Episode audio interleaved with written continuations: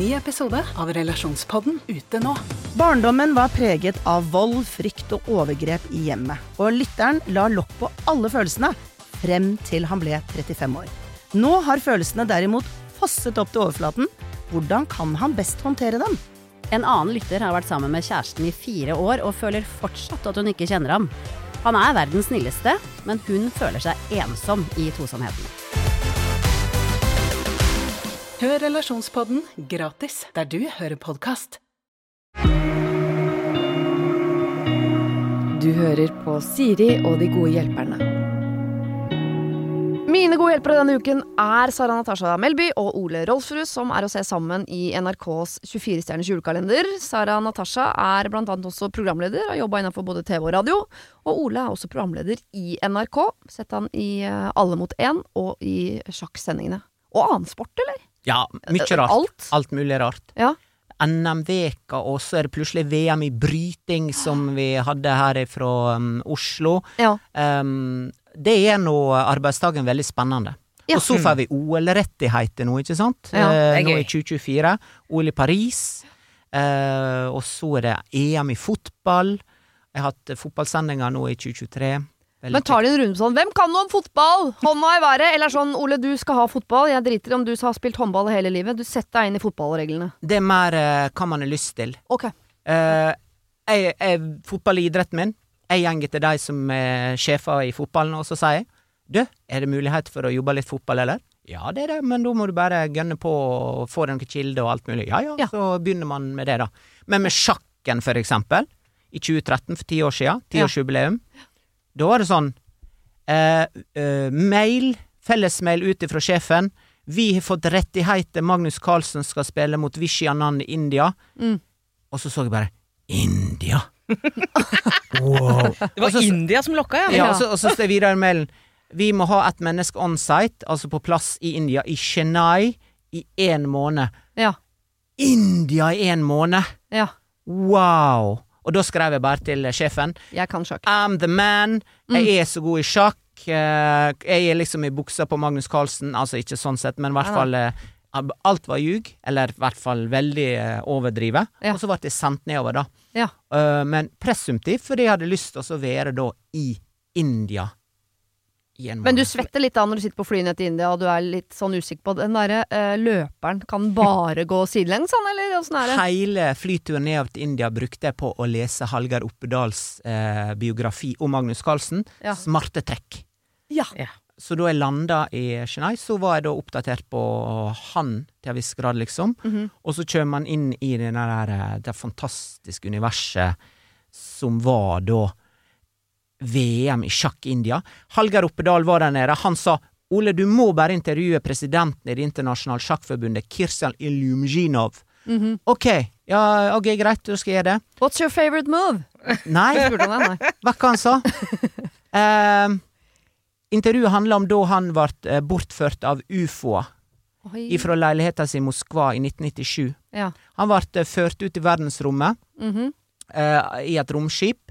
Fikk beskjed av eh, romvesenet om at han skulle tilbake på jordkloden og omvende menneskeheten til å spille sjakk, fordi menneskeheten er underutvikla. Ja. Og så, og så må man ta mannen på alvor, ikke sant? Så jeg stilte et spørsmål Å ja, ja, ok. Og så når du da kommuniserte med romvesenet, da Snakker dere russisk, eller Nei. Hvordan kommuniserte dere? Liksom, hva språk kunne de? Nei, nei, nei, det var, det var telepati, sa han. Akkurat som når jeg kommuniserer med Dalai Lama. Ja. Så han kommuniserte også med Dalai Lama, denne Kirsan Ilyumjinov. Sier du at dette er sjakkpresidenten? Ja, det var den eh, daværende sjakkpresidenten. Mm. Nå er han Eh, borte, ingen vet hvor han er. Eh, jo, men eh, Året før så var han og spilte sjakk mot Muammar Gaddafi i Libya. Ja. På noen måneder før han var styrta. Så det er en, um, og han ja. hadde embargo fra innreise i USA. Tror du det er han som er faren til barna til Gry Jannicke Jarlum? Ja. Men dette er jo en av de mest plausible sånn jeg ble hentet av ufo-historiene jeg har hørt. fordi at hvis man skal tenke seg noe de der ute på andre planeter er opptatt av, Ja. altså så er jo sjakk kommet ganske høyt opp på lista mi. Det tror jeg med. Ja. Ja. Det er veldig mye annet jeg har hørt som jeg ikke tenker at det er realistisk at de er opptatt av, men sjakk det tror jeg faktisk de kan være opptatt av. Og den personlige assistenten og livvakta sto i leiligheta i Moskva Mm. idet Kirsjan Ilyumzhinov reappeared, som han sa. Oi. Han ble altså morfa inn igjen i leiligheta. Så han er to eh, øyevitner. Hvis, eh, nå kjenner jeg at jeg er opptatt av sjakk, på Ja. en måte, men eh, Men det var, det var dette som var inngangen. Det var Ja. det første jeg gjorde, da. Ja. Og da bare Altså, dette her er ikke skliing på noen glassfiberpinner med trikot ute i 20 minus i Falun. Dette er et helt sjukt univers. Ja. Dette er presidenten som er blitt bortført av ufoer! For en idrett! Ja. For et univers! jeg er enig. Jeg kjenner Ja. at jeg er enig. Ja. Elsker det. Men bare skjønne sjakkreglene, hvor de brikkene kan flytte og sånn. Hvis jeg får det i tillegg, da er jeg med. Da er jeg med. Okay, der, vi skal ta noen problemer. Yes. Er dere klare? Åh, jeg er så klare. Jeg og mannen min har et dilemma. Eller først og fremst har vi en gledelig nyhet. Vi er gravide.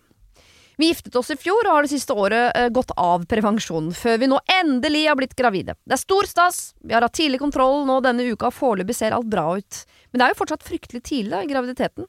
Likevel. Nå er det snart jul, og det blir fullt familiekjør med middager, kos og vin. Men ikke noe vin på meg, da. Eller bobler før middag. Eller rødvinsgløgg på kvelden. Altså, jeg er ikke den som drikker aller mest i utgangspunktet, men jeg er usikker på om jeg klarer å snike meg unna at det blir, eh, sånn at det blir, ikke blir lagt merke til. Familien er ikke de som kommer til å kommentere på det, men de vil jo kanskje tenke sitt og aha, skjønner, Eh, de vil vente til uke tolv med å si noe. Skal vi prøve å holde det for oss selv, eller skal vi dele det med familien nå til jul? Vi er ikke de som snakker aller mest om dype følelser, men jeg har et fint forhold til familien, og jeg gleder meg til de skal få vite det. Vi kommer til å være rundt eh, ti uker på vei på selve julaften. Skal vi si det som en juleoverraskelse, eller skal vi vente? Hilsen Mia og Anders. Ha. Her føler jeg det er uh, flere dilemmaer i ett. Oh, ja. uh, det første kan vi ta veldig kjapt. Dette handler om uh, alkohol. Okay. Eh, for jeg syns det er en uting at folk kvier seg for å la være å drikke alkohol. Eh, fordi Når de er andre- gravide? Nei, uansett. Det? ja, men i, i sånne sosiale settinger. Mm. eh, fordi at andre kan begynne å tenke ting eller mene ting om det. Ja. Det må vi få en slutt på. Ja. Jeg er, må jeg er veldig enig. Ja, må være lov å si nei takk til alkohol, uansett hva som er sammenkomsten, og, og om de andre drikker eller ikke. Jo, men hvis venninnene 30-åra alltid har sagt ja fram til nå, plutselig sier nei, så starter jo Da tenker jeg sånn, ja Jo, men det, vet du hva, De får bare, du får bare tenke. Ja, Alle okay. kan bare tenke sitt. Mm. Men, men vi må bli kvitt den der greia at det ligger en sånn usikkerhet rundt det. At Mm. man heller sier ja, jeg kan ta ett glass, da. Nei, altså ikke ikke. når man er gravid, altså. Men, sånn, men ellers fordi at man må det for syns skyld. Ja. Nei, må Nei, ikke det. Man må ikke drikke alkohol for syns skyld. Det er Mm. veldig lov å si nei til alkohol. Men hva med, mm, hva med å ha nok Altså hvis, hvis man bestemmer seg for å ikke avdekke at man er gravid, da. Mm. Hva med å ha ting i glasset som ser ut som alkohol? Ja, men hvis Og det er ja. familieselskap, så, så får man jo Og blir ofte servert, Ja, ikke sant. Du får Ah. skjenke selv. Men jeg, jeg eh, Altså, man overvurderer eh, hvor mye folk får med seg. Ja. Jeg er helt sikker på, og dette har jeg også prøvd, Unnskyld, man overvurderer? eh, fordi hvis jeg sier ja takk til et glass vin i et selskap, så kan jeg gå rundt med det ene glasset. Ja. Hele, ingen som har lagt merke til om jeg har drukket av det. Eh, om jeg har fylt på eller ikke. Folk er altså så opptatt med eh, sitt og andre ting at det er det ingen som Så istedenfor å lage et nummer ut av, av ting, bare si sånn mm, og så går du rundt. Og så kan du gå rundt med eh, glasset i hånda hele dagen. Ja, jeg er i utgangspunktet øh, veldig enig, og det funker. Ja. Eh, men jeg er bare for at man skal slutte å måtte late som. Ja. Jeg er bare for at det er helt greit å si nei takk, jeg vil ikke ha alkohol i dag. Det er jeg helt enig i. Men hvis man er ute etter å, å skjule det at man er gravid, man Ja. tenker at det er mistenksomt hvis jeg plutselig ikke, og så videre, Mm. så tenker jeg at man kan bare si mm, Mm. ta det ene glasset, og så ikke tenke noe mer på det. Bare gå rundt. Ja. Eh, hvis man bestemmer seg for å drop the bombshell Mm -hmm. Nå vet jeg ikke hva slags humortekniske um, forviklinger som er i denne familien, men hvis jeg hadde vært Mia, så hadde jeg pakka inn magen med julepa julepapir, Ja. og så hadde jeg hatt kjolen på utsida, Mm. og så uh, på et tidspunkt reveala magen som en julegave til familien.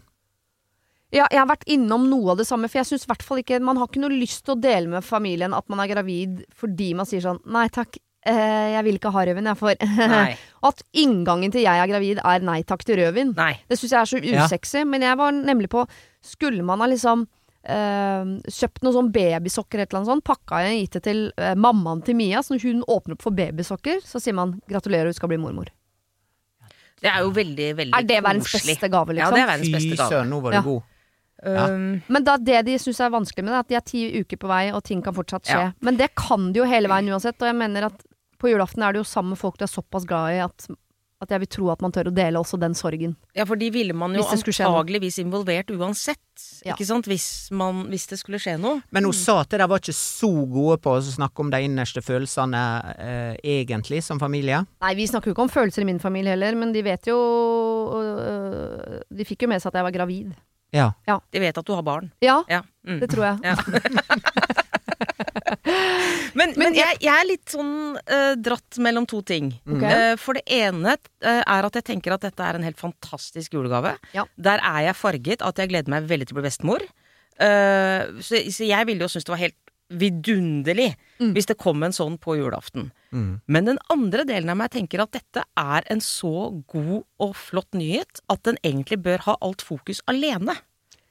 Ikke Ja. blandes inn i alle skal få gaver, og det er my mye annet som skjer. Ja, hun, han eller hun på ni har fått Lego Teknikk og til, ikke sant? Ja, ja, ja. At man egentlig skal lage en egen fest. Et eget lite selskap med familien. ja. Litt etter jul. Alle Ja. samles en gang til, og så er det bare dette som har fokus. Mm. ja, men da blir jula litt sånn stressende på at du skal prøve å skjule og Jeg vet ikke. Ja, det er dette skjulestresset. Men jeg, Ja. jeg syns også at du skal eie det. Du må eie en sånn eh, situasjon når du eh, skal bli foreldre for første gang, og ikke havne i denne der eh, rødvinsglass Nei, ikke glass til meg. Hint, hint, hint. Mm. Så begynner spek... Nei! Nei, slutt da! Men jeg kan ikke si noe ennå. Og så blir det bare sånn Ja. eh, Ja, eig det. Mm. Små sokker til uh, hun som skal Ja, bli mormor. Ja. Uh, men ulempa også Han eh, Lisje Reinert, som Ja. har sin første jul som gående, Han og fa- kommer til å få mer fokus. Uansett. seinere Nei, det, altså den, De unga som er i det juleselskapet, ja det er de som kommer til å få all oppmerksomheten. Alle blir gravid. veldig glad for 'å, gravid', å, hei! Ja. Og så må vi Nei, se på han leke med legoen sin, da. Ja. Han blei glad for den pakka. Ja, ja. Så, så det fisler liksom bort. Ja, det kommer til å fisle. Okay. Men det gjør det uansett. Altså, eh, jeg har hatt gleden av å fortelle eh, menneskeheten at jeg er gravid to ganger. Eh, egentlig tre, men den ene gangen var det ikke så gledelig for noen. Men uh, samme av det. Uh, og da er det jo fem minutter med sånn «Wii!» Og når oppfølgingsspørsmålene er liksom brukt opp etter sånn fem minutter, så er det ikke sånn at vi setter av resten av dagen til å snakke om det. Det er jo en sånn det er jo en femminutterssekvens, og det har man tid til på julaften. Uansett hvor mange små Reinert som går rundt og bæsjer i bleier og åpner Lego. Men tror du ikke at hvis du er den som kommer med denne nyheten, Ja.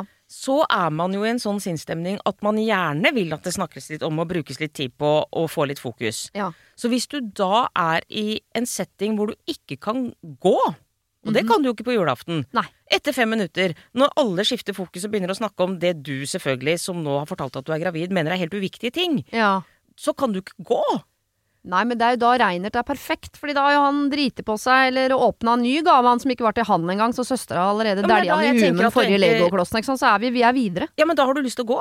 For du syns jo ikke det er så Så kan, kan ikke jeg få litt mer oppmerksomhet nå? Nei, da sitter jo du og, og, og puster ut, for da har du eh, sagt den der hemmeligheten som du har gått og båret på. Du og mannen sitter og pjusker lanker og er sånn 'Nå har vi Ja, sagt det', er, og eh, svigermor blunker fra borti gyngestolen og ikke sant. Ja. Men det er, jeg tror ikke engang Du er noen mor- gram lettere, eller du er jo strengt tatt noen gram Noen tyngre, gram da. tyngre, ja. Men, men ja. ja. Eh, Men det er, jeg tror ingen, verken publikum eller avsendere, har lyst til å snakke om den graviditeten i egninga. De snakker jo ikke om følelser. Det er jo en faktaopplysning. Og det er nå ikke akkurat en værsnyhet at eh, menneskeheten forplanter seg Nei, Nei, og blir gravide. det er jo ikke det. det er ikke Så det. ja, heller vi mot julaften, da? Tror du, altså. Julaften-reveal på en litt skikkelig måte. Ja. Små babysokker, eh, en, en kopp hvor det står bestemor. Tenk så hyggelig. da. Eventuelt helt til slutt. Men uh, ha det, da. Takk for oss. Veldig god mat og hyggelig selskap. God jul, da. Og forresten, jeg er gravid. Ha det! Det er litt gøy, det òg. Ja. Eller at man kan gjøre det liksom uh, idet Sølvguttene eh, liksom trøkker til der. At man har en sånn eh, gave ved bordet, eller at man tilfeldigvis Nei, bordkort! Det står bestemor på bordkortet! Og det er koselig. Og da er det noen, så det kan oppdages Det er ikke engang du som må si sånn pling, pling, pling, har en nyhet. Det er på et eller annet tidspunkt så er det en som sier sånn Nei, men gud! Det står bestemor her! Det er en veldig god idé. Veldig god idé. En ser det, om det er Reinert sjøl, eller om det er som har lært seg å lese i veldig ung alder. Ja. Mm. Eller er om det er bestemor, eller, men det at det står Nå fordrer vi jo at det ikke fins bestemødre der fra før, da. Det gjør det i og med at Reinert er født. Hvis dette er første barnebarnet, Ja. da er det å skrive bestemor er på bordkortet ikke så dumt. fint. Men finne en eller annen snedig måte å få det For det er deilig å slippe å si det sjøl òg. At Ja. noen skjønner. Du er på en måte avslørt. Det er Mats Hansen kommer inn, og alle liksom snur uh, kortet sine, og der står det Hvor mye koster det å leie Mats Hansen inn på en sånn liten fem minutter på julaften? Det er dyrt, ja. ja. Jeg tror det er dyrt. Jeg tror ikke de andre får så mye lønn, for Nei, han får mesteparten. Men jeg, jeg liker eh, retningen dette tar. Ja. Altså, man skal gjøre det tydelig, eie det, som du sier, Ole. Fullt og helt. Mm. Enten med en hyggelig gave eller en deilig sånn liten som må oppdages av noen. Jeg Ja. liker nesten det best. Ja, denne subtile Ja. bordkorttrikset der, var, den var bra, ass. Ja. Mm. Ja. Da blir det tårer, vet du. Ja, ja, ja, ja, Det gjør det. Ja. Jeg, skal, jeg, jeg, jeg skal bli bestemor, ja. ja. Så fint. ja. Og nå kjenner vi jo ikke eh, altså Mia og Anders godt, men det kan hende at det er litt deilig at liksom fokuset der og der blir på at det er liksom ma mamma som skal bli bestemor. Og så Ja. du bare sitte der liksom og kose deg med å stryke deg på magen og liksom bare eh, For det er ikke alltid Hun sier de er ikke sånn som snakker om de dype følelsene. Det er ikke sikkert du hadde lyst til å snakke om at hun er gravid kjempelenge. Hun vil bare at nyheten skal ut der. Ja, det er sant. Mm. Eh, Jeg merker at jeg er i ferd med å få en veldig full kalender i siste ukene i desember. Fordi jeg er jo en sucker for sånne øyeblikk. Ja. Så hvis det blir bordkort, eh, Mia og Anders, Ja. eh, så kan jeg godt feire jul hos dere. for å få med meg dette. Og så skal jeg jo på møte hos deg på Du skal- jobben, ja, ja, ja, ja, eh, ja. Ole, så det blir hektisk. Men eh, tenk å være flue på veggen der og se det. Det, røde, det er jo et veldig rørende øyeblikk. Ja. Og Mie og Anders har jo hatt sitt øyeblikk, ikke sant? når de så på den pinnen med de blå strekene, liksom. Men nå er det besteforeldre som skal få sitt øyeblikk med at de plutselig er bestemor på kortet eller på kaffekoppen eller ja. ja, et eller annet. Altså. Hva er det som gjør, deg så, um, gjør at du gleder deg sånn til å bli bestemor, Sara? Hva som gjør at jeg gleder meg sånn? Ja. Du sa det i stad at du gleder deg Ja, sånn til å bli åh, jeg bestemor. bare, det tror jeg er så koselig. Det, er, det har kanskje å gjøre med at jeg har hatt et eh, veldig sterkt eh, forhold til egne besteforeldre. eh, alltid. Men den, altså det båndet man kan ha med barnebarn. Mm. eh, utrolig vakkert og fint og givende. eh, og så kan man jo levere den tilbake. Når, når det er nok for Ja, den dagen eller den helgen. Og det er jo også fint. Ja. Så det er kombinasjonen av alt der Mm. som er bare veldig, veldig fin. Gleder meg til å strikke i sånne små, små plagg. Nå ser jeg gammel ut. Ja. Hørte det selv. Nei, det høres koselig. Jeg gleder meg sjøl. Mm. Ja. Denne uken har eh, Siri og De gode hjelperne et samarbeid med utstillingen The Mystery of Banksy, A Genius Mind. Den utstillingen kan du se på Økernsenteret i Oslo helt fram til 16. juni. Til eh, tross for at Banksy er verdens mest kjente gatekunstner, så er han samtidig også helt anonym. Det er ingen som vet hvem han er, og en av grunnene til det er at han er etterlyst for vandalisme. Kunsten hans er ikke på utstillingen, det er altså 200 reproduksjoner utført av andre gatekunstnere du kan se på Økernsenteret. Og siden han er så anonym og utilgjengelig, så er det også umulig å få en godkjenning av utstillingen av Banksy selv, men folka rundt Banksy, som kaller seg Pest Control, de gjør kontroller og sier ifra hvis det ikke er godkjent. Og det har de ikke gjort her, og utstillingen er derfor å anse som godkjent. Og jeg tenker at eh, Banksy høres ut som en litt sånn eh, kul fyr, selv om jeg vet jo ikke hvem han er. Jeg bare ser hva han skaper. Uh, og jeg merker at jeg liksom blir, jeg blir nysgjerrig på han. Jeg husker en eh, tidligere sjef jeg hadde, eh, fortalte meg at Siri, eh, de som hører på deg på radio, de må enten ha lyst til å bli sammen med deg, eller så må de ha lyst til å være vennen din, eller i hvert fall gå på fest sammen med deg. Da lytter de. Jeg vet ikke om jeg har så veldig lyst til å bli kjæreste med Banksy, vanskelig å si, men det hadde definitivt vært veldig gøy å gå på fest med han eller ha han som venn, bare for å høre litt mer om hva som bor inni det kunstneriske hodet hans. Kjøp billetter til utstillingen på mystery-banksy.no. Her kan du også lese mer om utstillingen. Bruk kodeordet Siri, velg tidsbestemte billetter på hjemmesiden, og få billetter til kun 250 kroner. Koden gjelder til og med 31. mars. Har du et enkeltpersonforetak eller en liten bedrift? Da er du sikkert lei av å høre meg snakke om hvor enkelt det er å sende faktura med fiken. Så vi gir oss her, fordi vi liker enkelt. Fiken superenkelt regnskap. Prøv gratis på fiken.no.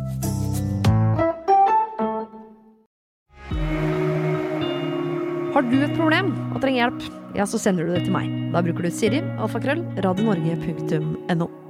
Dere skal over på noe nesten like sjarmerende som nyfødte barn. Regulering.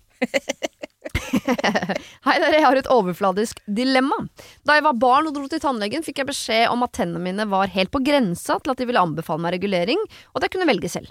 Som tolvåring ville jo selvfølgelig ikke jeg ha regulering, men nå er jeg voksen, og jeg ser på tennene til broren min som har hatt regulering, og tenker ganske mye på hvor skeive mine er i forhold, særlig nede, altså tenna nede. Jeg er altså i slutten av 20-åra og vurderer regulering. Rent økonomisk går det greit, selv om det kommer til å ta tid eh, Kommer til å ta litt av budsjettet som ellers går til hyggeligere ting. Men forfengeligheten drar meg i to retninger her. Være godt voksen med regulering i et par år, for å så ha nydelige tenner etterpå, eller akseptere at jeg ikke har helt rette tenner, og bare godta mitt litt skeive smil. Jeg har ikke noe problem med tenner, altså, så jeg tror ikke jeg rent medisinsk må ha regulering. Ja eller nei? Dere var, hva var dere på, Eh, på? Nei, det, det var Jeg var på ja. Ja til regulering? Ja til regulering. Og jeg tror også jeg ombestemte meg, for jeg så egentlig for meg noe trikkeskinn, ikke sant? Altså Ja. full jaws ifra James Bond. Mm. Men så kommer nå denne her eh, rosinen i reguleringspølsa her, da, med, med å ha regulering på baksida av tenna. Ja. Ja. Og hvis det er spill, hvis det er option, så er det bare å gønne på. Det Ja. fins jo både sånn på baksiden og sånn gjennomsiktig. Ja, det er jeg mot, faktisk. Sånn gjennomsiktig? Ja. ja fordi Nei, fordi det syns jo allikevel, men det syns også at du har prøvd å fordekke det, så det blir på en måte som en kjempekvise med sånn brunkrem utapå. Sånn, Men enten må du bare ha det, liksom, eller så må du la være. Ja, ja, ja. ja. Ja, men er det ikke sånn regulering er noe? Fins de der gamle trikkeskinnene Gjør Ja, ja, ja. det? Døtra mi er det. Er det sant? Ja, ja, Det er jo vondt. Ja, ja. men Det er eh, vondt. vondt skal vondt fordrive, Ja, skulle jeg jeg hadde det som barn. Det er ikke noe godt. Det Nei. er jo noe å ta med i betraktning her, Det er ikke noe godt. Det er ikke noe godt. Nei. Uh, det er for det første ganske vondt en god stund etter at du får den. Strammer og ikke noe godt i det hele tatt. Og så er det uh, ikke like vondt etter hvert, men det er ubehagelig. Det er vondt hver gang man skal stramme. Åh, det er Ja. vondt. Og så Men- og så stikker det inn i uh, kinnkjøttet. Ja, ja, ja. Og de løsner. Ja, ja, ja. Spretter ut og Ja. Så det er jo Du skal være ganske sikker på at, eh, at den forskjellen er viktig for deg, tenker jeg. Men på, ja, på, men på annen side så tenker jeg også at det er hva det er ett til to år. Han er slutten av 20-åra. Mm. Dette skal da vare Det er nå en investering for resten av livet, da. Ja. Og hvis han sier at han er en smule forfengelig, så vil nå det Jeg ville bare gått for deg. For han har det da resten av livet. Fine tenner Ja. resten av livet. Og tennene blir nå ikke vakrere og vakrere desto eldre du blir. Nei. Ikke sant? Nei, det sant. Og, um, og det kan jo hende at de er enda mer på vandring, disse tennene, Mm. når de blir eldre. Og kjeven utvikler seg av Ja, ja. Nå er ikke jeg noen tannlege eller ortoped eller noe sånt. Ja, du er ikke det? Nei, Ikke høres sånn ut, Burde vi tatt en runde på innledningen Ja, vi burde faktisk det. Men alt dette handler jo om forfengelighet, for det er jo forfengelighet som gjør at hun vurderer å ha tannregulering eller ikke tannregulering. Både fordi grunnen til å ikke ha regulering nå er fordi det er stygt, og grunnen til å ha det er fordi det blir fint etterpå. Så handler jo utelukkende om Ja. forfengelighet. Ja. Eh, og det er litt rart sånn Nei, skal du, skal du voksen gå med regulering? Det er ikke noe fint. Men jeg, jeg, jeg blir ikke klok på meg selv, for uansett hvilken retning jeg sender tankene mine, så, så ender det opp i at det er forfengeligheten som måte som styrer tankesettet mitt. Men hva er feilen med et litt skeivt smil, da? Jeg har en mor som er veldig opptatt av Hun syns det er for mye regulering. Hva skjedde med de skeive smilene? Ingen som har mellomrom mellom fortennene. Det er ikke noe personlighet i, i munnen til mennesket lenger. Nei. Og det er jeg litt enig i, for det er jo noe veldig sjarmerende med, med skeive smil. Jeg har en ekstrem hangup, dette er en veldig detalj, men jeg har lagt merke til det, og det tok mange, mange år før jeg skjønte det selv, at det er eh, noen mennesker jeg blir instinktivt tiltrukket av, om det er så menn eller kvinner, hvor jeg merker at det er noe ved utseendet jeg elsker, og så har jeg ikke skjønt hva det er før i voksen alder. Nei, det er når den ikke de to fortennene, men en av de ved siden av, altså tannen med liksom eh, naboen til fortenna, Ja. går litt over den ene fortanna. Ja. At den er skeiv over. Ja. Hvis jeg ser det, om det er jente eller gutt, så merker jeg en, en, sånn, en tiltrekning. En instinktiv tiltrekning. Er det sant? Det, og jeg Det er aner ikke hva det er. Jeg, ba- jeg, og jeg, det for det har gått igjen i så mange opp igjen sånn Hvorfor syns jeg dette mennesket er så tiltrekkende? Jeg syns jo egentlig ikke han eller hun er spesielt kul eller kjekk eller eh, noe som helst. Det er den tanna. Er det en tann? Det er den Men det, det, men det Altså, bare for Hun mor di, Ja. hun er en tannliberalist. Ja, og hun har veldig pene tenner, så det er jo irriterende ja, da, å sitte på den høye Ja. hesten med de fine tenna og, og, er mot regulering. Ja. Er en liberalist. Ja, men jeg hadde regulering, da. Så mye mot kan hun ikke ha vært. Men Nei, hun, sånn, ja. hun er vel eh, Hun som er også glad i eh, folk som smiler med mellomrom mellom fortennene. Jeg syns Ja. det er veldig sjarmerende. Mm. Eh, Så vi er vel bare på utkikk etter at det skal være litt mer eh, Mangfold? hva- Mangfold? Ja. Ja. Tannmangfold. Vi er så opptatt av mangfold, ellers kan vi ikke være det inn i munnen nå. Ja. Ja, for, for, jeg er i utgangspunktet ganske enig, da. For at hvis alle skal ha tannregulering, hvis Ja. alle skal ha det samme hvite smilet, så forsvinner noe særpreget til Det er hver enkelt. Det er sant. Der er nå en del tanngarer som ja, for eksempel Kurt Nilsen, da. Skulle han ha banka på med tannregulering for å få et perfekt Nei. eh, rad? Nei. Hadde jo ikke vært det samme, det. Og vi Nei. gjør jo ikke dette ellers i fjeset sånn. Øynene skal vel ideelt sett ha to centimeter mellom. Du er på 1,70, og den Skulle vi- nesa skal vel strengt talt gå Altså, man kunne jo eh, hvis det ikke handler om at du er kryssbitt eller veldig Ja. overbitt, at det har noe med liksom at du eh, får problemer med CV-en etter hvert, Mm. så er det jo en rar forfengelighet. Og så, og så er det en annen greie som jeg har lyst til å dele med denne tannreguleringspotensielle kunden. Ja. Eh, em, og det er fra da jeg skulle på yoga første gang. Eh, jeg skulle på yoga i Drammen, og så drev jeg og tenkte Herregud, skal jeg på yoga? Stiv som en stokk, bære dame, liksom. Eh, de kommer til å flire av meg og Altså, man, man får nå de greiene Ja, ja. oppi hodet, ikke sant. Så kommer jeg da til denne yogaplassen, ruller ut matta mi, ut på matta, og så For du hadde egen matte, ja. Det er proft å være førstereis. Ja, hadde. Mhm. kjøpt med egen matte. Men det var egentlig en sånn treningsmatte. Bla, bla, bla. Ja. Men eh, eh, Og så ser jeg rundt meg Mhm. at det er nå ingen som bryr seg om meg. Nei. For alle er mer enn nok med seg sjølve. Er ikke deilig. Jo, og det er samme når du snakker om det på treningssenter Mm. også, Sara. Folk er mer enn nok med seg sjøl. Mm. Hvordan er det jeg framstår på denne her yogamatta? Mm. Gjør jeg denne øvelsen rett nå? Ser jeg litt sånn dust ut? Jeg tror det er færrest som egentlig ser på alle andre og tenker at alle andre er Er det litt skeive er tenner Ja. der? Mm. Og det er overførbart også til tenner, tror jeg. Ja, ja. Ikke sant? Så jeg tror det er bare den persons egen forfengelighet og sitt eget sjølbilde det handler om. Jeg tror folk flest driter egentlig oppi hvordan tenner du har, så lenge du ikke ser ut som et totalhavari der inne, da, brune tenner som detter ut, og, og at det Det er lov å Vi sier ikke at du skal slutte å pusse tenna. Nei. Det er vi Nei. Men jeg, vet du hva? Du Jeg mot sier nei, nei, du. til regulering. Ja, du gjør det. Jeg sier nei til regulering. Men hvis det er sånn at det går og plager deg i hverdagen sånn, Ja. og jeg tør ikke å smile og sånn, eh, herre, da tar Nei, det- vi et år med regulering, Ja. eller Men jeg ville venta sånn, hvis den, du i en alder av 40 fortsatt tenker sånn, de tenna eh, hindrer meg i arbeidslivet, så, finn på noe, da, men Ja. bare nå, fordi det er noe litt grann, eh, At ikke det er 100% liksom Christian Brennhovden inni der, så Og så, så føler jeg jo egentlig at svaret ligger litt i spørsmålet også. Fordi at noe av dilemmaet her var jo øh, og skal jeg velge regulering, for det er jo så stygt, ikke sant? Ja, forfengeligheten altså- drar meg i to retninger. Ja. Være godt voksne med regulering, eller Så- ha nydelig tenner. Ah, ja. Ja, ikke sant? Altså, hvis du tenker at godt voksen med regulering, det er liksom litt flaut, Mm. så hva er verst? Ja. Er det flaut å ha litt skeive tenner, eller er det flaut å gå med regulering? Ja. Du må rett og slett bare veie de to opp mot hverandre, da. Og da er vi jo nå enige her, i hvert fall, om at litt skeive tenner er bare fint. ja. Eller jeg vil si at ingen av delene er flaut, men da kan du like sett velge å ikke gjøre noe hvis Ja. Det er mye diggere å la ja. være å gjøre noe enn å gjøre noe Ja. hvis man ikke trenger å gjøre noe. han, må det er vondt. han må stille seg spørsmålet hva han er redd for. Ja. Hva han er redd for. Er du Hva er du redd for? Jeg huska ikke sangen, jeg lagde egen, men jeg tror Hvilken er det vi skulle det, på? er det ikke en Sigvart Dagsland Hva er Du redd for Det var den, ikke sant? Ja. Er det- Er det ikke Sigvart Dagsland? Jo, og kona. Og? Nei, og Caroline Krüger, ja. Ja, Stemmer. ja, det er duett. Ah, ja. Er de fortsatt i lag? Ja, ja, ja. ja. Nei, var ikke det som uh... Jo, jeg blander med Jan Eggum og Nei. Ok. Eh, dette pensjonisttreffet er i ferd med å nærme seg slutten. Vi går tilbake til original kjøreplan, som handler om problemer. Ok. Vi er ikke helt ferdig med pensjotreff, faktisk, for Nei. vi skal over til to veldig gamle mennesker. Jeg har tre søsken, og vi har alle blitt voksne etter hvert. Yngstemann er 35, og vi har dermed også godt voksne foreldre. Men disse godt voksne menneskene bor fortsatt i vårt barndomshjem. På mange måter er det veldig koselig, de har plass til å samle hele familien, og min mor vil fortsatt invitere hele gjengen på besøk, og stort sett virker det som om det går fint. I hvert fall med mor, da.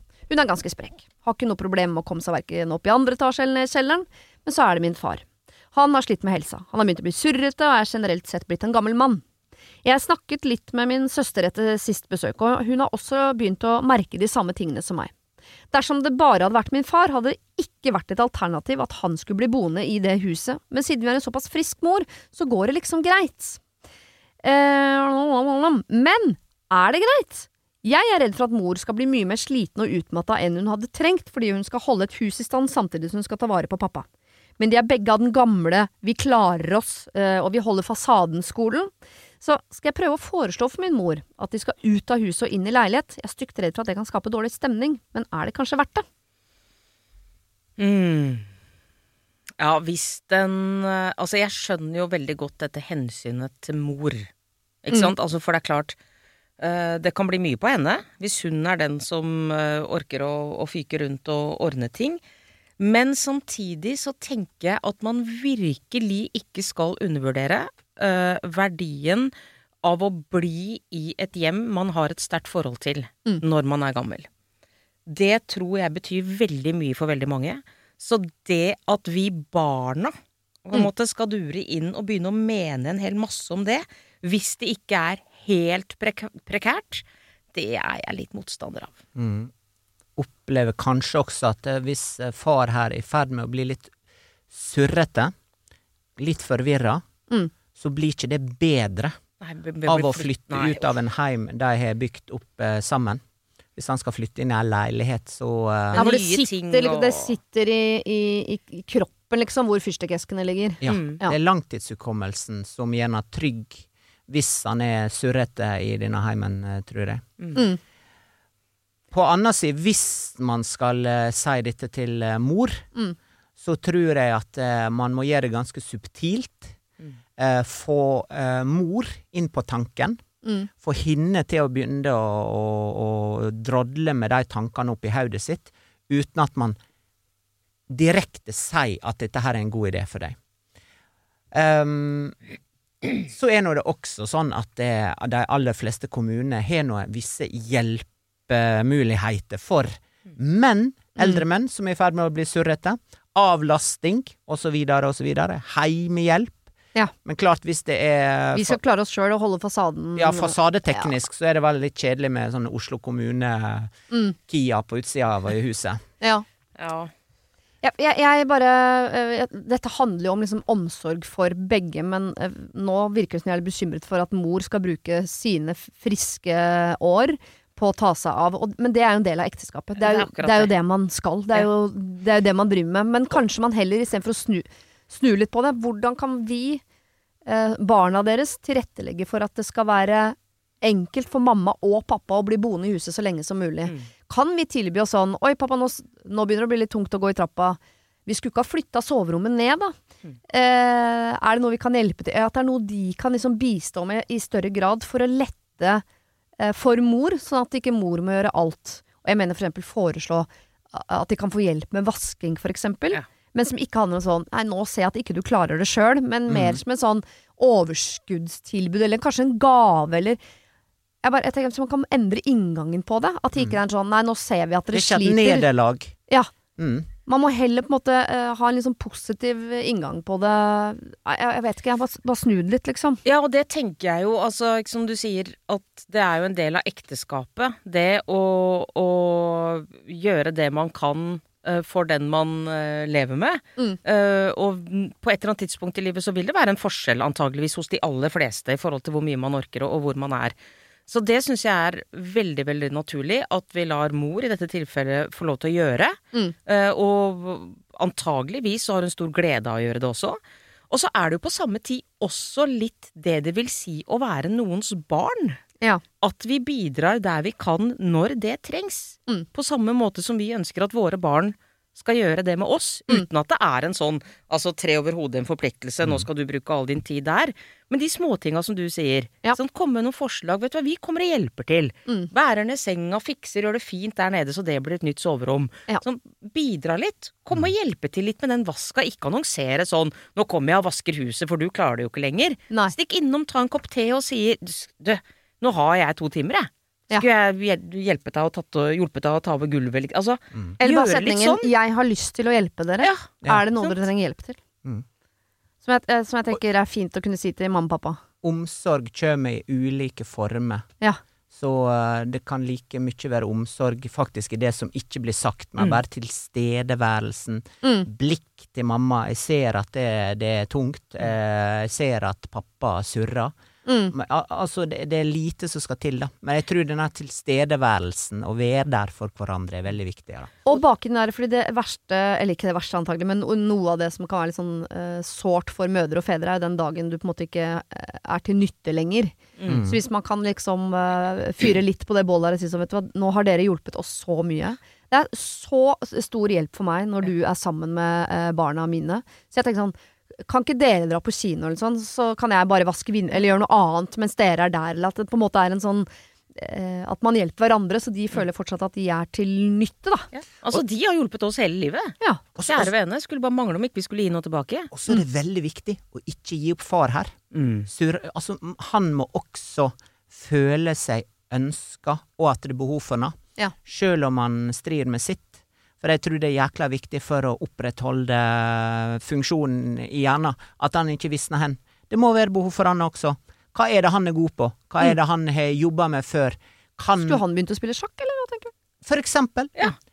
Uh, pappa, jeg trenger hjelp til dette her. Mm. Kan Og så er det bare noe enkelt du klarer sjøl, egentlig. Men Ja eh? Involvering. Involvere. Ja. Det er veldig litt skal til. Omsorg kommer i ulike former. Og så er det en vinn-vinn-situasjon her. Ja. Uh, fordi at jeg har drevet og binsja uh, den derre Blue Zones-serien på, på Netflix.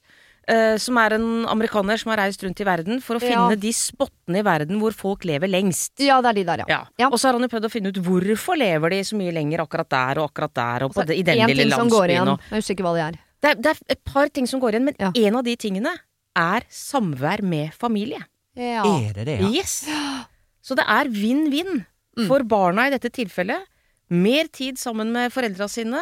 Involver far i aktiviteter så han kan bruke hodet. Hjelp til med vask og ting. Dere vinner også på det. Ja. Og så ikke vi allikevel skal undervurdere det hvis man ser at hvis mor og far er sånn de skal eh, holde fasaden osv. Så, videre, så hvis, det, hvis mor er av typen som later som om far ikke sliter, fordi de er jo fortsatt et par som klarer seg osv., så, videre, så hun sliter seg ut ved å holde liksom de to oppe, for at det skal se ut som de to på en måte fortsatt er liksom unge og friske. Så syns jeg man også kan ta mor til side på et tidspunkt og si sånn Mamma, er det litt slitsomt nå? Sånn at hun føler at det er et eller annet trygt rom hvor hun kan få lov til å si sånn Ja, vet du hva, nå er jeg faktisk sliten, for nå gjør, gjør jeg alt som pappa gjorde før. Plutselig gjør jeg Mm. alt som jeg skal gjøre. At hun kan få lov til øh, å slippe ut den frustrasjonen et eller annet sted før hun sliter seg helt ut. For det ser vi jo at enkelte eldre par gjør. At man sliter seg helt ut for å holde også den andre oppe. At det på en måte er et slags tabu å be om hjelp, om det er fra barna, eller om det er eh, den Kia-bilen med Oslo kommune på sida som kommer rullende opp i oppkjørselen. Og så må vi kanskje bli flinkere til å hjelpe den generasjonen med å tydeligere se at de har gitt til samfunnet Mm. i så mange år. Så det er helt greit Mm. Å få litt tilbake. Ja. Altså, vi bor i et fantastisk land og har dette tilbudet, har disse mulighetene. Så benytt dere av dem der det trengs. Ja. Det er ikke noe nederlag, det. Nei. Herregud. Altså, når jeg lå med rumpa i fatla her for en stund siden og fikk hjemmehjelpa hjem for å eh, vaske sår og, og, og gi meg Paracet, så må jeg si at da tenkte jeg sånn da fikk jeg, en ny, jeg hadde lyst til å bli mangemilliardær. Ikke fordi jeg ville bli, men jeg hadde lyst til å gi mange milliarder til hjemmehjelpa. jeg hadde lyst til å bli sånn gammel kone Ja. som døde sånn alene på sin hundreårsdag, og i arve i testamentet sto sånn 'Alle pengene går til hjemmehjelpa'. Så kommer det en Ferrari med Oslo kommune på sida. Alle i Oslo kommune kjører Ferrari. Ja. Skal stå sånn li Takk til Siri Kristiansen nederst. Rødt på rødt. Ok, vi skal ta et eh, problem eh, til. Her er det en litt eh, oppgitt mann som har sendt inn mail til oss. Denne uken har eh, Siri og De gode hjelperne et samarbeid med utstillingen The Mystery of Banksy, A Genius Mind. Den utstillingen kan du se på Økernsenteret i Oslo helt fram til 16. juni. Til eh, tross for at Banksy er verdens mest kjente gatekunstner, så er han samtidig også helt anonym. Det er ingen som vet hvem han er, og en av grunnene til det er at han er etterlyst for vandalisme. Kunsten hans er ikke på utstillingen, det er altså 200 reproduksjoner utført av andre gatekunstnere du kan se på Økernsenteret.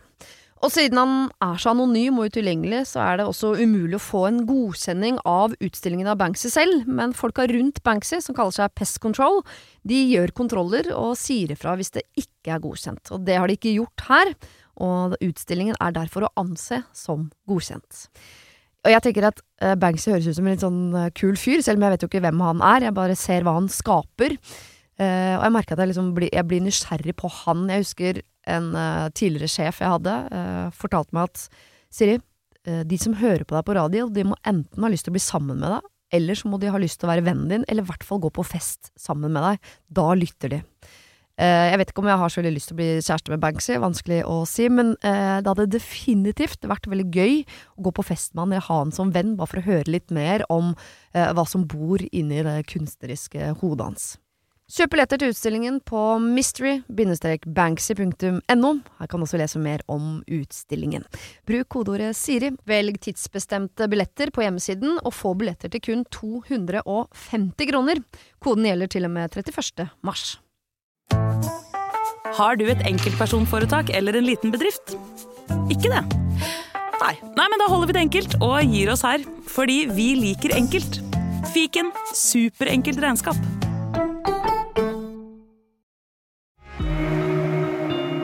Har du et problem og trenger hjelp, ja, så sender du det til meg. Da bruker du Siri, alfakrøll, radionorge.no. Kjære dere. Jeg er gift med min nydelige Maren på sjette året. Vi har vært sammen i åtte. Det vil si at vi har hatt åtte eh, år sammen, og vi har hatt åtte nye år sammen, og åtte nye muligheter til å starte nye liv. Jeg har ikke behov for noe nytt liv, trives sånn som ting er, men kona hun skal starte dette nye livet hvert eneste år. Og hun forventer min entusiasme hver eneste gang. Men jeg begynner å synes det er litt vanskelig å late som om jeg har trua og støtte nye treningsformer og kostholdsplaner, som jeg vet at uansett ryker innen utgangen av februar. For det er stort sett det det går i. Trening og diett hvert eneste år. Og jeg tror virkelig hun ønsker å få det til, men så langt så har hun ikke det, da. Jeg mener vel heller ikke at hun trenger det, egentlig. Det virker mest som en greie hun baler med, bare fordi det er det hun og venninnene snakker om, typ. Så langt har jeg backet så godt jeg kan, men må innrømme at innlevelsen har vært tilgjort fra min side. I år lurer jeg på om jeg skal gå uh, for å heller bare gi litt motstand, jeg. Ja. Bare for å prøve noe annet, liksom.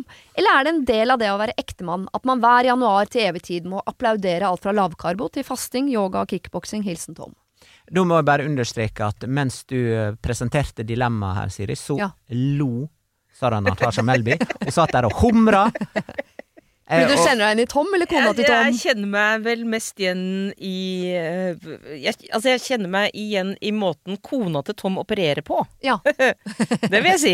ja dette Ja. nye livet som skal starte hver Ja, januar. om Eller hver mandag. det er liksom helt nytt liv, så i hvert fall liksom no, noe forbedring da, her og der. Ja. Eh, og jeg tenker jo sånn umiddelbart, nå er ikke dette veldig gjennomtenkt foreløpig, kan hende jeg endrer eh, mening etter hvert, men umiddelbart så tenker jeg ja, Tom, du må støtte, og Ja. du må smile, og du må si så bra at du har satt deg nye mål for 2024. Da gyver vi løs. Men har Tom prøvd å bli med, lurer jeg på. Ja. Liksom. For hvis dette går på litt sånn trening og kosthold og sånn, hva med å si du, gøy. Jeg blir med. Lavkarbo, ja. 2024. Vet du hva, jeg blir med. Trening, ja. Gå tur. Jeg blir med. Kjempegøy. Selv om han ikke syns det er gøy, Ja. så må han ha litt entusiasme på det. For hvis han blir med, så kan det hende hun holder lenger også. Og det er er det noe man skal forvente av ektemannen? For at jeg er også en som innimellom har uh, vurdert diverse treningsformer og, og nye måter å spise på, uh, og som innimellom da sutrer til mannen sin. Og for, det er veldig vanskelig for meg å spise sunt når du har potetgull i skapet, Ja. som jeg da selvfølgelig spiser, fordi jeg har jo ikke selvkontroll. Så derfor så må du hjelpe meg, for du kan heller ikke ha potetgull, fordi det er jeg som bla, bla, bla. Ja. Men der sitter jo da en mann som har et godt kosthold, og som elsker å trene, ja. og syns det er litt rart at ikke han skal få lov til å kose seg med litt potetgull innimellom. Som han jo aldri får gjort, da, for jeg har spist innen vi kommer så langt. Men uh... Men det skjønner jeg at han syns er frustrerende. Men samtidig så tenker jeg at uh, hvis vi skal ha litt helikopterperspektiv her, så handler det jo om helse og et langt liv. Ja. Uh, og både Tom og din mann har jo lyst til at dere skal være her lenge. Ja. Og ha et, en god kropp og et godt liv. Nå snakker jeg ikke om utseende, Nei. men en maskin som fungerer bra. Eh, og da er det kanskje sånne til, ting som må til for noen av oss. Ja. At det ikke ligger en potetgullpose i skapet mhm. som vi har tilgang på, ja. uh, rett og slett. Og hvis det er det som må til, så tenker jeg at da må man gjøre en innsats for uh, ektefellen sin eller kjæresten sin. Jeg Jeg, me mener at den er Tom i større grad, hvis han mener at kona Eller han mente da kona ikke hadde behov for disse livsstilsendringene. Men hvis det skal være noe kontinuitet i dette her, så må nok kona oppfordres kanskje i august, da. Eller kanskje i oktober. Mm. Eller kanskje i juni. Mm. Eller kanskje i april. Eh, til å ikke steppe opp, Men gi disse små stegene, da. Ja. For, det, for det er den kontinuiteten som man må ha da for å få sånne ting til å funke. Det høres ut som Maren må ha en liten sånn påminnelse allerede i midten av februar her, Ja, hvis dette skal uh, vare. Ja. For hun pleier jo å begynne på et januar, hun, og så er det ferdig i, innen utgangen av februar. Ja. Ja, Og så kan, kan det jo ikke stemme det Tom sier, at hun ikke har behov for det. For det har hun jo helt åpenbart. Altså, han tenker jo kanskje bare fysisk, han, altså hvordan hun ser ut. Ja. Men hun har jo helt åpenbart et behov for det, siden hun vil prøve hvert eneste år. Ja. Så det er jo han som ikke har et behov for at hun skal ha behov for det. ja. Hun har det behovet. Hvis ikke så hadde hun ikke hvert eneste år tenkt nei, nå skal jeg gjøre det. Nå skal jeg komme i gang. Men, men har hun det behovet sterkt nok, i og med at hun eh, varer sånn halvveis ut i februar? Vet du hva, Ole? Det er mange av oss som har sterke, sterke behov, men veldig, veldig liten viljestyrke. Okay. Ja, det kan jeg kjenne meg igjen i. Samtidig som jeg var hos en fyr en gang som skulle eh, knekke opp den øverste virvelen i nakken min. Eh, men som han var tilfeldigvis også coach, og drev litt med radioen. Så han eh, tillot seg å gi litt sånn andre tips generelt også til meg i livet, som ikke jeg hadde bedt om. Og et av de var eh, Han av en eller annen grunn hadde fått med seg at jeg eh, drev stadig og liksom prøvde på noen nye måter å, å bli sunnere på. Sa sånn Jeg veit hvorfor du ikke får det til, Kristiansen. han snakka sånn. han coachaktig. Jeg veit hvorfor du ikke får det til, Kristiansen. Ja vel, sa jeg. Hva er det for noe? Du har det for bra. Oh, ja. Det er ikke viktig nok for deg. Og da tenkte jeg eh, Din kloke idiot, tenkte Ja, jeg. Det stemmer jo sikkert, det, da. Altså, det er jo noe i det at det, Ja, man kan skylde på viljestyrken, men det hender vel også at hvis ikke det er Det er ofte også at man ikke får det til, for det er ikke så viktig. egentlig. Ja. Mm. Ja. Ja, og så greier jeg også Hvorfor må man gjøre det 1. januar? Bare, bare ta heller hverdagene. Mandag til fredag. Ja. Ta så vær litt mer asketisk da. Altså bare tenk litt mer eh, smart eh, gjennom vekedagene, Mm. og så kan man gønne på i helga. Altså mandag til fredag. eh, Litt Men- sånn roligere. Jeg er enig, men det er livsfarlig for Tom å bevege seg ut, for det er vanskelig for Tom å hjelpe Maren. Og nå er Tom et bilde på Ja. mannen der ute, og Maren et bilde på Mm. kvinnen. Å hjelpe henne med å minne henne på kostholdsplanen, eller hjelpe henne å si det viktigste er ukedagene sånn. For selv om hun vil ha den hjelpen, så vil hun jo ikke ha den beskjeden. For hadde mannen min sagt det til meg, så hadde jeg sagt å ja! For jeg er tjukk, er det det du sier? og da ville han sagt nei, jeg sier ikke det, men du sier jo det. Ja, og jeg kan si det, men du kan ikke si det. Altså, det er li Tom må passe seg. Ja. Og så må Tom huske at man aldri har så lyst på ting som når man ikke skal ha dem. Ja. Ikke sant? Så, altså, Der er jo hjernen veldig, veldig enkel. Mm. Jeg er ikke spesielt glad i brød. Nei. Uh, og jeg spiser egentlig ikke noe særlig brød. Men hvis jeg ikke skal spise brød, Mm. da har jeg lyst på brød hele tida. Ja. Som jeg ikke er spesielt glad i engang. Nei. Ja, ja, sånn er det bare. Sånn er Funker, funker dårlig å bestemme seg for det skal jeg ikke ha, og så ha det i hus. Mm. For noen av oss, da. For noen av oss. Jeg lurer litt på hvem Tom blir i slutten av februar. Ja. overfor Maren, overfor kona si. Blir han den uh, told you so? Uff. Blir han den litt halvsarkastiske? ja ikke Eller, eller, eller blir han uh, Ja ja, men du gjorde så godt du kunne, vennen min. Jeg er Ja. stolt av det likevel. Det var veldig mye bra i den setningen, men han må droppe vennen min. Ja, Ja, ja. vennen min. For det, det, det er ikke Sikkert bra. så blir Maren sammen med Knut Ja. innen 2028.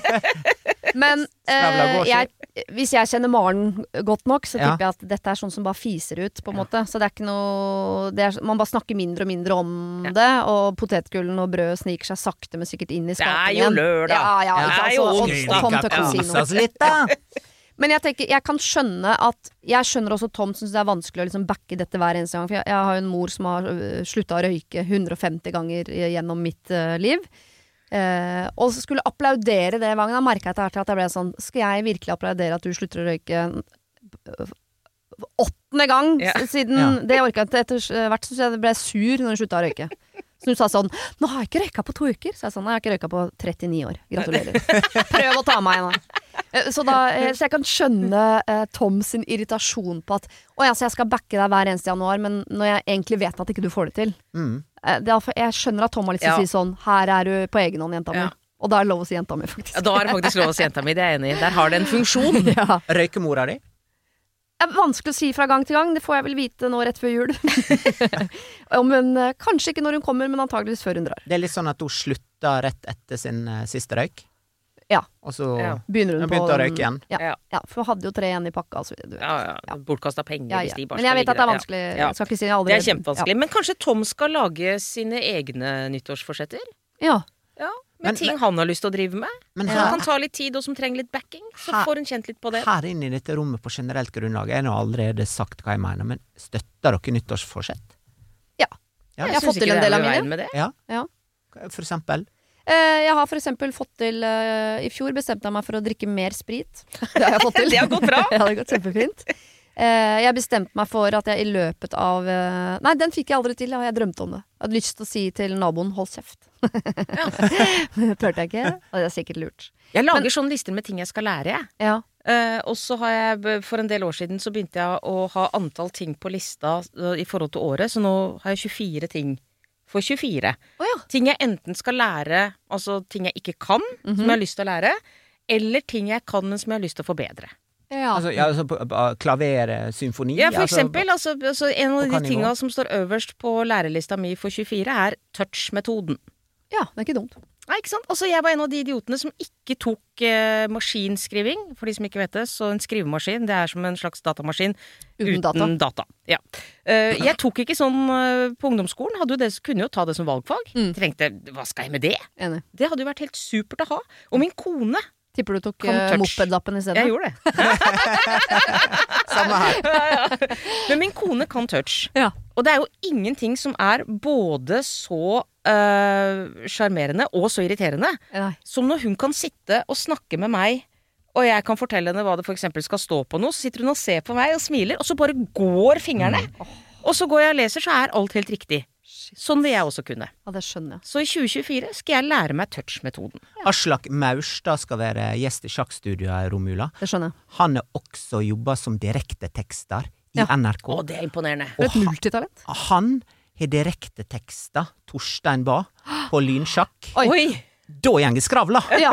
Og da går fingrene til Aslak Maurstad. For å Ja, og, og målet, da Vi har ikke fått alt i boks ennå, men vi skal ha direkteteksting i studio Lurt. i, eh, nå i Romula. Og han, Aslak klarer sikkert sånn å sitte og snakke med dere, samtidig som han sitter og skriver Ja. det som blir sagt. Ja. Jeg rekker opp hånda i mitt eget radioprogram. Jeg har en idé. Aslak Maurstad. Fordi dere skal ha han som gjest i romjula, så skal jo han selvfølgelig innom et av møtene deres også, ikke sant? Hvor han får som en gøyal oppgave å direkteskrivende alt som blir sagt i møtet, som dere får som referat etterpå, hvor det er veldig tydelig hvem som har sagt mest! For det er forskjellige fargekoder på hvem som har sagt hva. Det er ser, var veldig mye blått der. Ja, det er jo deg, det, vet du, Knut Tine. Som vi ble enige om at Knut Tine Ja, ja, ja, fabelaktig. Det er en veldig god idé. Bare for å teste det, som litt sånn artig test. Mm. Det er litt som det intervjuet Gelmøyden hadde med Gro Harlem Brundtland i hine håre dager. Da hun var virkelig på toppen. Ja. Um, fordi hun, hun var så jækla kritisk til pressen. Hun ble klipt og redigert sånn at det, uh, meningene hennes ble framstilt på en feil måte. Og han Gelmøyden, som Nils Christian Gelmøyden tror jeg han hette, Ja. han, han tok noe på ordet. Da skal jeg ordrett skrive alt hun sier. Og det intervjuet er helt legendarisk. Det ble en bok, det. Ja, det, altså det, det var fembinds leksikon. Altså, det, men det intervjuet er så bra, så hvis dere går ut og, og sjekker ut det på internett, ligger ute, det er helt fabelaktig. Ja. Det var skvaldring, altså. Ja. Gøy. Men er, er du, har du ingen nyttårsforsetter? Aldri? Ikke noe sånt som du Altså selv om du ikke kaller det nyttårs, nyttårsforsett, men har du ikke noe sånn Vet du hva, i 2024 så skal jeg komme meg til Svalbard, det har jeg alltid drømt om. Mm. Har du ingen sånne? Nei. Jeg har ikke det, altså. Men jeg tenker, jeg tenker um, hele tida på at um, det året jeg går inn i, på, til, tilbake til helikoptersyn, mm. skal være mitt beste år så langt. Det er bare sånn, men det er bare når i det går inn i året. Og så møter nå hverdagen det, ikke sant? Ja, ja. Men, men det er liksom det, Men det er bare overordna målet. Mm. Jeg er generelt veldig optimistisk fyr, da. Også i det vi får et nytt år. 2024. Hei! Hva muligheten er? Skal be Marit Larsen spille inn ny, for hun synger 'År i år kan bli vårt beste år'. Altså Erik Bye. Ja, ja, ja. Dere, eh, eh, vi er ved veis eh, ende. Jeg har løst en bunke med problemer. Jeg vet ikke helt hva vi skal si til Tom avslutningsvis i forhold til Maren. Jeg tenker egentlig at vi eh, går ut på det du sa først der, eh, Sara Natasha. at eh, ja, du skal backe ved å si 'jeg blir med'. Mm. Om ikke du trenger å begynne med kickboksing og lavkarbo, nei vel, men er det ikke litt gøy å gjøre det sammen med kona da, og kanskje det varer til midt ut i mars? Mm. Og du må bedre. bli med da eh, kona og venninnene på yoga-retreat på Mm. Bali. Så må du det, da. Ja, for det er et godt bilde på livet. Mm. Ja. eh, tusen, tusen takk for god hjelp, eh, Sara Natasha og Ole, og eh, god og gledelig jul og godt nyttår. I like måte. Det var det. Husk å sende problem til siri.radionorge.no om du vil ha hjelp. Denne podkasten er produsert av Klynge for Podplay. Har du et enkeltpersonforetak eller en liten bedrift? Da er du sikkert lei av å høre meg snakke om hvor enkelt det er med kvitteringer og bilag i fiken, så vi eh, gir oss her, vi. Fordi vi liker enkelt. Fiken superenkelt regnskap.